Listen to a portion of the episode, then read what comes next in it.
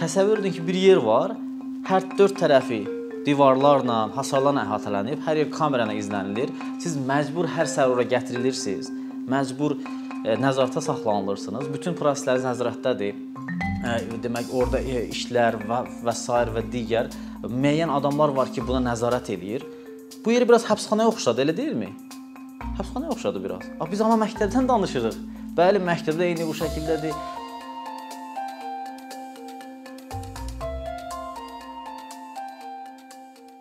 Həbib Əlizadə, Astara rayonu Əzzağa Əliyev adına Qapçı məhəllə kənd ümumi orta məktəbində tarix müəllimi olaraq işləyirəm. 2015-ci ilin sentyabrın 15-də müəllimlik hekayəm başlayır. Lənkəranın mərkəzdən 36 km uzaqlıqda olan Ucqar Dağ kəndi Gəgiranda müəllimliyə başladım. Müəllimliyə başladığım ilk gündən bu günə qədər çalışdım ki, bir çox stereotiplər olan, dırnaq içində o olmaz, bu olmaz, o olmaz, bu olmazları e, fikir verməyərək, əslində olmaz deyənlər olanlara çevirməyə çalışdım, cəhd elədim. Bu mənada bir təşəbbüskarlıq bəlkə deyə bilərik.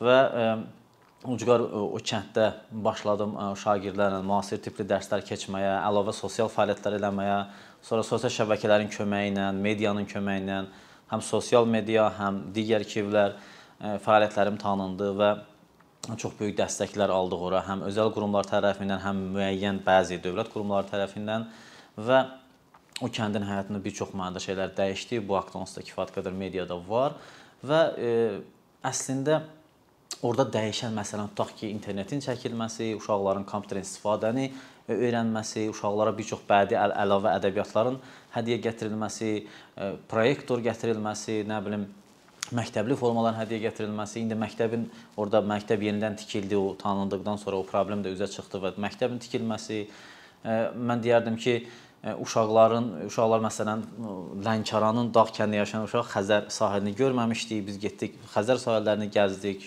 Lənkəran şəhərini gəzdik, tarixi abidələri gəzdik. Yəni burada çox təfərrüatlar var. Bütün bunları topladıqda bəli, o illərə baxanda ə, əlbəttə ki, bu təşəbbüskarlıq öz-özünə çox gözəldir, çox müsbət bir şeydir. Amma mən bu gün keçmişə baxanda təkcə o müsbəti deyil, o həm də o ə, çətinlikləri yada sala bilirəm. Bu həm bürokratik mənada belədir, həm maddi mənada belədir, həm təşkilatlanma, təşkilatlandı, yəni o işləri təşkilati olaraq ə, yəni etmək mənasında belədir. Məsələn, təsəvvür edin ki, siz ə, məktəbi internetdən görmüsüz Sizin bir şirkətiniz var və ya özəl bir qurumda işləyirsiniz, yüksək əmək haqqı alırsınız, amma siz o qədər e, deməli e, xalqınızı, cəmiyyətinizi, kənddə yaşayan insanları beyninizdən çıxara bilmirsiniz ki, mən onlara necə yardım edə bilərəm görəsən. Siz bunu desəz düşünürsüz, amma bunun üçün yollar axtarırsınız və siz günün birində bir müəllim görürsüz ki, bu ucqardan paylaşıb, aktivdir sosial şəbəkədə və siz onunla əlaqəyə keçirsiniz ki, mən sizin məktəbinizdə kitab gətirim, proyektor gətirim, printer gətirim, e, idman ləvazimatları gətirim, gətirdi də belə insanlar. Amma nə baş verdi? Lənkəranda təhsil şöbəsi, müvafiq icra qurumları bunu məktəbə apara bilməzsiniz dedi. Dedik ki, gəlin, buyurun, siz e, bununla tanış olun, bu kitablarla, bu aparat printerdir, digər şeylər məktəbə lazım olan demək ləvazimatlardır. Hansı olarsa o keçsin. Yox, tanış da olmur, yoxlamadan da keçirmir, məktəbə də buraxmır. Bax o qədər çətin-çətin bürokratik məsələlərlə və gəldi nəhayət ki, e, bir mərhələyə çatdı ki, artıq onlar da razılaşdılar ki, bu məktəbə də xeyirdir, cəmiyyətə də xeyirdir. O insanlar da öz e, sosial məsuliyyətlərini yerinə yetirirlər. Yaxşı, biraz da gəlin e, istəyirəm ki, geniş mənada baxaq.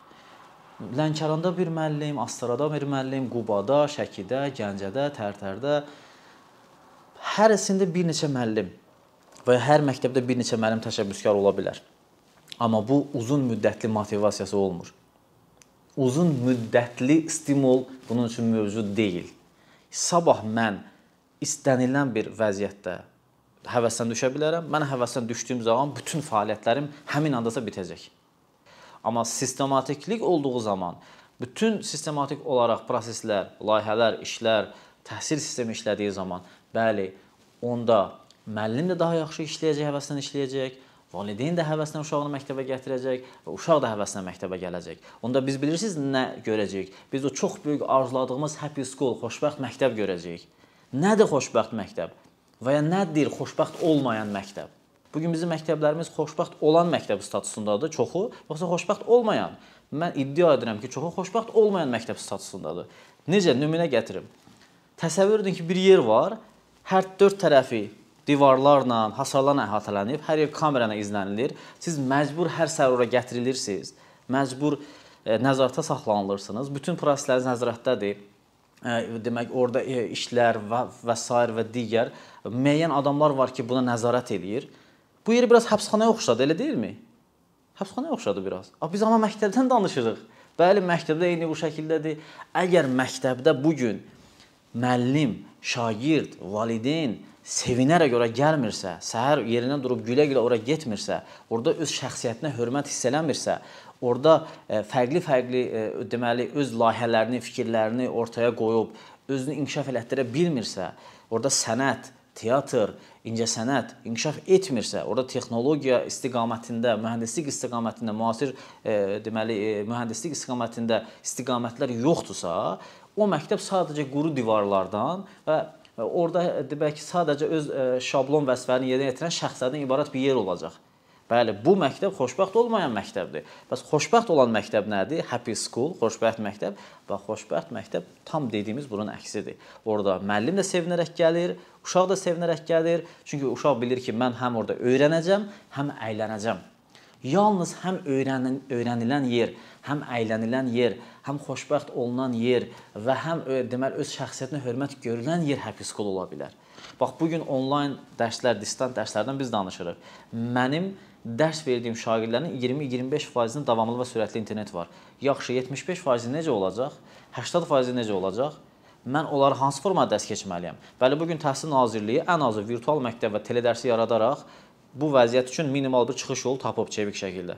Amma bu gün müvafiq digər qurumlar, internet provayderlər, ə, mobil internet ə, demək provayderlər, bunların heç biri bu sahədə əsaslı iş görmür, davamlı iş görmür. Rayonlarda təsəvvür edin ki, yeganə bir dənə ə, deməli provayder var. Digər provayderlər gəlmir rayona. Nə onlar bizə xətt çəkirlər valideynlərin evlərinə. Mən maaşının onu ayrı verirəm. Yaxşı, işləməyən, davamlı gəliri olmayan valideynlərdən, şagirdlərin valideynlərindən mən onu necə tələb edə bilərəm? 40 manat elə onun bəlkə onu o ay ərzində ona verdiyi puldur ki, ondan çörək bişirir evdə təndirdə. Və ya çörək aldığı çörəyin puludur bəlkə, və ya yağın pulu. Mən bunu necə valideynə tələb edə bilərəm özdə pandemiya dövründə? Yəni nəticə etibarı ilə burada provayderlər, həm dövlət provayderləri, həm özəl provayderlər, həm mobil provayderlər burada əsaslı bir çıxış yolu tapmalıdırlar. E, uşaqların bu gün kompüteri yoxdur, planşeti yoxdur, evdə bir telefon var, 3 uşaq var. Bunlar necə olacaq? Bütün bu məsələlər özü özlüyündə əlaqədar qurumları narahat eləməlidir. Teledərs özü-özünə bir çıxış yoludur, amma bu axı müəllim və şagird arasında birbaşa əlaqəni yaratmır. Mən uşağa deyirəm ki, onlayn dərs yaxşıdır, yoxsa sual edirəm, sorğu keçirirəm, yoxsa üz-üzə dərs deyir, üz-üzə. Deyir, deyirəm niyə? Deyir ki, orada müəllimə sual verə bilmirəm ona görə. Teledərsi deyir, onu nəzərdə tutur. Yəni teledərsdə müəllimə sual verə bilmir, bilmədiyini soruşa bilmir və uşaq deyir ki, mən bunu istəmirəm. Uşağın dediyi fikirdir. Bu hələ 5-ci sinif uşağı deyir, bunu fikir deyir, 6-cı sinif uşağı deyir. Yəni nəticə etibarı ilə bu gün əgər distant təhsil deyiriksə, distant təhsil əslində alternativ bir çıxış yoludur. Amma bu gün yeganə çıxış yolu kimi görünürsə, bu e, üz-üzə təhsil olmadığı zamanlarda, onda bunun üçün əlaqədar qurumlar bu təminatları həll etməlidir. Bu qonşu ölkələrin təcrübəsində bu görünə bilər, uzaq e, ölkələrin təcrübəsində görünə bilər. Buna görə düşünürəm ki, bu məsələdə mütləq yenə də sistemli işlər görülməlidir. Bax ona görə düşünürəm ki, burada ən təməl məsələ bərabər təhsil alma hüququnun təmin edilməsi istiqamətində işlər görülməlidir və xoşbəxt məktəb yaratmaq istəyiriksə və bu gün təhsil idarəçiləri, istir yeni təyin olunmuş təhsil idarəçiləri, istir əvvəl ə, e, uzun müddətli bu sahədə işləyən təhsil idarəçiləri istəyirsə xoşbəxt məktəb yaratmaq və Azərbaycan təhsil tarixinə düşmək istəyirlərsə, onlar bu mənada xoşbəxt məktəb yaratmaq üçün sosial baza, maddi texniki baza və müxt və, və bunun fonunda da kadrların yüksək səviyyədə yetişdirilməsi. Bu gün orta məktəbdə 2 müəllim, ikisi də 400 manat maaş alıb, amma biri çox aktiv işləyir, o biri çox az işləyirsə, biri o birinə baxıb onsuz da bu işləməsə də o maaşı alır deyib həvəsdən düşürsə, bunu təhsil idarəçiləri düşünməlidir. Və o, o və o mənada e, mütləq e, demək elə tədbirlər görülməlidir ki, ya məktəbdə işləyən sosial təminatı yüksək olub, həvəslə işləsin, ya da orada işləməsin, alternativ iş tapsın. bir əlavə etmək istəyirəm. Bu gün e, abituriyentlər imtahan verirlər, e, universitetə daxil olacaqlar, ixtisas seçimi gedir hazırda. E, düşünürəm ki, bu gün 600 bal, 700 bal, 500 bal məsələsi dəqiqə başı biz əsas gündəmimiz olmamalıdır. Çünki burada 200 bal, 300-400 bal yığan insanların ciddi bir demotivasiyası yaranır. O uşaq 200-300 bal yığan kim qarantiya verə bilər ki, sabah o uşaq daha yaxşı mütəxəssis olmayacaq? Və ya 600 bal yığana kim qarantiya verə bilər ki, sabah yaxşı mütəxəssis olacaq? Hər şey bir qırağa yaxşı vətəndaş, e, vicdanlı vətəndaş, e, öz hüququnu bilən və eyni zamanda digər hüquqlarına e, demə hörmət edən vətəndaş olub olmayacağına kim qarantiya verə bilər? Və o mənada biz təkcə o mənada deyil, həmçinin bir çox digər mənalarda da biz uşaqlar arasında o 600 bal, 700 bal məsələsini birinci gündəmimizə çıxarmamalıyıq. Bəli, yüksək bal toplamısan, əhsən, bu sənin zəhmətindir, amma bu hər şey demək deyil. Bu ona görə hər şey demək deyil ki, hələ e, belə baxanda ali təhsillərə indi başlayacaqsan, hələ bundan sonra iş həyatı var, hələ ondan sonra digər ailə məsələləri var, şəxsi həyat var. Yəni bu karyera tərəfi var, şəxsi həyat tərəfi var. Bütün bunlar əgər təhsil insana öz həyatında lazımi bacarıqları, bilikləri qazandırmırsa, ona gələcək həyatında daha yaxşı, daha rahat yaşam ə, e, təqdim eləmək, daha ə, e, ə, e, yaxşı cəmiyyət yaratmaq üçün bir fərd olaraq yetişməsinə səbəb olmursa, deməli o yaxşı təhsil deyil də. O təhsil sadəcə olaraq imitasiya imitasiya olaraq yaradılmış yaxşı təhsildir. Yəni o dırnaq arasında yaxşı ola bilər yalnız. Çünki o həm fərdin özünün, həm fərdin cəmiyyətə qatqısının mənasında yaxşı töhfə verici bir e, demək tərəfi varsa, o yalnız o halda yaxşı təhsil ola bilər. Qaldı ki, bu gün e, istər ali məktəblərə qəbul olsun, istər kolleclərə qəbul olsun, istər peşə məktəblərinə qəbul olsun, bütün bunlar nəticədə e, insanların həm fərdi mənada, həm ailə mənasında, həm cəmiyyət mənasında gətirib xoşbəxtliyə gətirib çıxarmalıdır. Biz bayaq xoşbəxt məktəb anlayışından danışdıq. Bax indi xoşbəxt ailə anlayışından qısaca danışsaq, bu yenə də bəli, yaxşı təhsil, yaxşı təhsil 600 bal təkcə demək deyil, hətta heç heç demək deyil. O sadəcə nisbi bir ölçülmədir. Bizim ölkəmizdə Dövlət İmtahan Mərkəzinin bir formada ölçü formasıdır. Başqa ölkələrdə başqa formada var. IELTS var, TOEFL var, digər imtahanlar var. Dünyanın müxtəlif ölkələrində fərqli-fərqli formalarda imtahanlar var. Hərə bir cür ölçür. Ölçmə özü nisbidir e, biliyin ölçülmə formaları. Buna görə düşünürəm ki, biz e, uşaqlarımızı o mənada e, sıxıntıya, stresə salmamalıyıq. Onlara yaxşı vətəndaş olmaq, yaxşı insan olmaq, özünə və cəmiyyətə faydalı fərd olmağı aşılamalıyıq. Bu gün bütün dünyada olduğu kimi bizim ölkəmizdə də təhsilin əsas vəzifələrindən biri məntiqi və tənqidi təfəkkürün inkişaf etdirilməsidir. Yəni bu gün şagirdlərdə müəllimlər tənqidi və məntiqi təfəkkürü inkişaf elətdirməlidir. Bu təhsilin vəzifələrindən biridir. Yəni bunu mən özümdən demirəm, başqa bir müəllim özündən demir. Bu təhsil strategiyalarında, təhsilin vəzifələrindən birində öz əksini tapmış bir bənddir yəni. Ona görə bu gün biz müəllimlər sinifdə, auditoriyada əgər şagirdlərin məntiqi, analitik fikirlərini, tənqidi fikirlərini, istər biz müəllimlərin belə biz müəllimlərə qarşı belə tənqidi fikirlərini və ya özlərinə qarşı ola bilər, başqa məsələlərə bağlı ola bilər onların tənqidi fikirlərini, məntiqi analitik fikirlərini qəbul etmiriksə, dinləmiriksə, biz artıq o təhsilin məntiqi və tənqidi təfəkkürü inkişaf elətdirmə prinsipini pozmuş oluruq bir mənada. Yəni hələ bu prinsipdir. Bu bunun bir tərəfidir. O bir tərəfdən də biz gələcək üçün dünya görüşü məhdud, məntiqi analitik təfəkkürü olmayan, ə, e, hadisələrə uzaq ə, e, demək ə, e, belə dərin baxışla baxa bilməyən vətəndaşın yetişməsi səbəb oluruq. Bu vətəndaş sabah öz şəxsi həyatında da, iş həyatında da, digər bir çox məsələlərə də aldanacaq və aldadacaq. Çünki aldanan adam əgər e, belə deyək, e, daha özünü bir dərin bir e, dünya görüş formalaşdırmayıbsa, özünə inamı zəif, güclü deyilsə, özünə inamı zəifdirsə, o da başqasını aldadacaq yəni. O da başqasını aldadacaq. Və necə ki, deməli ideal müəllim əsərində Raçinskinin dilindən bir ifadə var. Orada Raçinski, yəni Raçinski haqqında o kitabı ya o kitab yazılıb. Orada deməli təsəvvür edin ki, o Raçinskinin kəndi haqqında yazılana deyir ki, o kənddə deyir insanlar e, daha çox bir-birini necə aldadarlar deyə düşünürlər.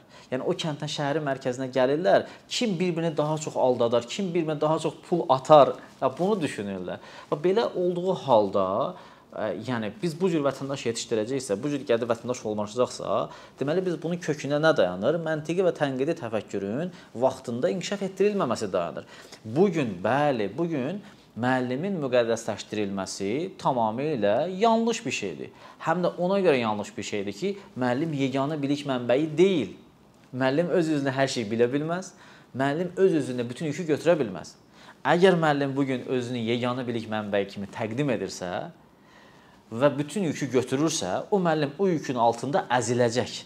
Bir dənə səhv sualda, e, bir dənə səhv cavabda müəllim bütün nüfuzunu itirəcək. Səmimiyyətini saxlaya bilməyəcək. Kommunikasiyanı, ünsiyyəti yaxşı qura bilməyəcək, e, qura bilməyəcək. Bu gün öz şagirdi ilə dost e, münasibəti, yəni həm nizam-intizam, həm sevgi, hörmət bərabər şəkildə dost münasibəti qura bilməyən müəllim ünsiyyət davranışını normal qura bilə bilməyən müəllim heç vaxt şagird qarşısında nüfuz sahibi ola bilməz. Və biz bilirik ki, hamımız öz həyatımızda bilirik ki, sevmədiyimiz, hörmət eləmədiyimiz, nüfuz sahibi olmayan müəllimlərin dərslərini də oxumurduq. Yəni bu reallıqdır. Bu hamımızın yaşadığı bir e, məsələdir. Yaxşı, belə olduğu halda bu gün müəllimlər nəyə görə müqəddəslik statusu ilə öz idarəçilərini saxlamağa çalışırlar? Ona görə ki, onlar düşünürlər ki, əgər onlar öz müqəddəsliklərini əldən versələr, bu təbii ki, hamıya aid deyil. Düşünürlər ki, müqəddəsliyi əldən versələr, Onlar idarəçilik itirərlər. Əgər idarəçilik itsə, sinifdə xaos olar. Xeyr, xaos olmayacaq. Sadəcə etik qaydalara riayət etmək lazımdır. Sadəcə etikanı mənimsətmək lazımdır. Bunu evdə valideyn, məktəbdə müəllim etməlidir, məktəbin özü etməlidir. Yalnız o halda həm e, deməli uşaqlar azad təfəkkürlü, məntiqi təfəkkürlü olacaq. Bu da təhsil strategiyasının tələbini yerinə yetirir. Eyni zamanda nə olacaq? O yaxşı vətəndaş kimi formalaşacaq, həm ölkəsinə, həm öz fərd olaraq özünə və ailəsinə daha faydalı bir vətəndaş olacaq. Hə, o mənada e, çox vacibdir ki, müəllimlər özlərini deməli yəni bilirsiniz müqəddəs kimi təqdim etməsinlər, səhvsiz kimi təqdim etməsinlər, qarşı tərəfi dinləsinlər. Müzakirə mühitində çox şey ortaya çıxır və bu o mənada çox vacibdir. Məsələn, stereotipləri qırmaq məsələsi var. Mən neçə illərdir bunu təkcə öz işlədiyim yerdə yox, ictimailəşdirirəm, ictimai şəkildə bunu paylaşıram, yayıram videolarla, şəkillərlə. Və bilirsiniz, bəzən valideynlərdən bunu eşidirəm. Məsələn, mən qal kiraya qaldığım evdə qonşular danışır həyətdə, mən də qulaq e, qonaq müsafiri deyirlər, qulaq qulaq müsafiri oluram. Deyirlər ki, bizim vaxtımızda biz müəllimdən çəkinirdik, müəllim görəndə gizlənirdik, o çox hörmət eləyirdik. Bu uşaqlara bax, heç bu müəllimdən çəkinmir. Ya mənə eşitdirirlər, ya da öz aralarında danışırlar. Amma nəticə budur. Stereotip var. Müəllimlə şagird arasında böyük məsafə, müəllim uşaqdan gizlənməlidir, qaçmalıdır hörməti gizlənməyə bağlayırlar. Hörmət müəllimdən gizlənməyə bağlanmamalıdır. Hörmət müəllimlə danışmağa, müzakirə eləməyə, onun fikirlərini öyrənməyə, şagird öz fikrini deməyə və qarşılıqlı müzakirə mühitində məntiqi və təfə tənqidi təfəkkürün inkişafı əsasında olmalıdır. Bu o mənada bu gün həm valideynlər, həm təhsil idarəçiləri, müəllimlərimiz, şagirdlərimiz bu gün və gələcək üçün təhsil daha çox gələcəyə yatırımdır, həm mənəvi, həm maddi. Bu gün və gələcək üçün bunu əsas düşünməlidir ki, biz özümüz və cəmiyyətimiz üçün daha xoşbəxt, daha gözəl bir həyat necə qura bilərik? Məsələn, bunu bir çox ölkələr qurublar artıq. Şimali Avropa nümunəsində çox gözəl görə bilərik bunu. Əgər onlar qurublarsa, artıq ortada modellər var, nəticələr var, yaşamlar var.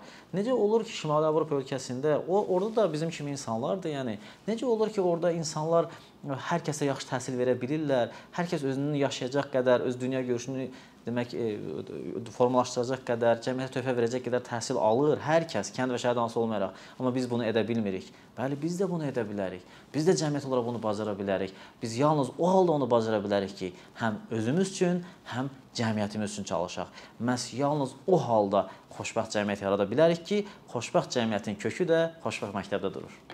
Əkinçinin yeni videoları haqqında məlumatlı olmaq üçün kanalımıza abunə olmağı və xəbərdarlıq funksiyasını aktivləşdirməyi unutmayın. Bununla bərabər gördüyümüz işlərin davamlı olmasını istəyirsinizsə, bizim patronların sırasına qoşulmağınızı rica edirik. Əkinçinin Patreon icmasının üzvü olaraq siz bizim təşəbbüsə dəstək göstərməklə bərabər hazırladığımız materialları hər kəsdən öncə izləmə imkanı əldə edəcəksiniz. İmkandan istifadə edərək cari patronlarımıza işlərimizi davam etməyə yardım olduqları üçün dərin təşəkkürümüzü bildiririk.